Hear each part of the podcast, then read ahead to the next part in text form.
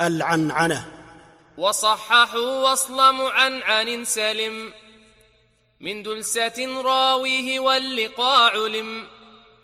وبعضهم حكى بذا إجماعا. ومسلم لم يشرط اجتماعا. لكن تعاصرا وقيل يشترط. طول صحابة وبعضهم شرط. معرفة الراوي بلخذ عنه.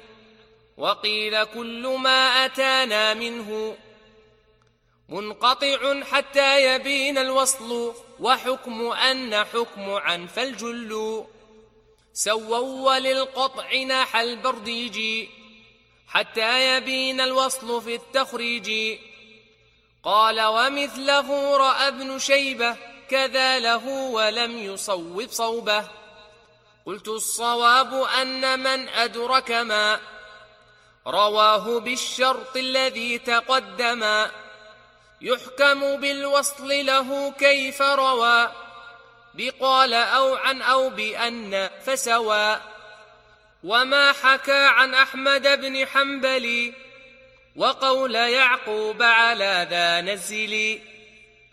وكثر استعمال عن في ذا الزمن. إجازة وهو بوصل ما قمن.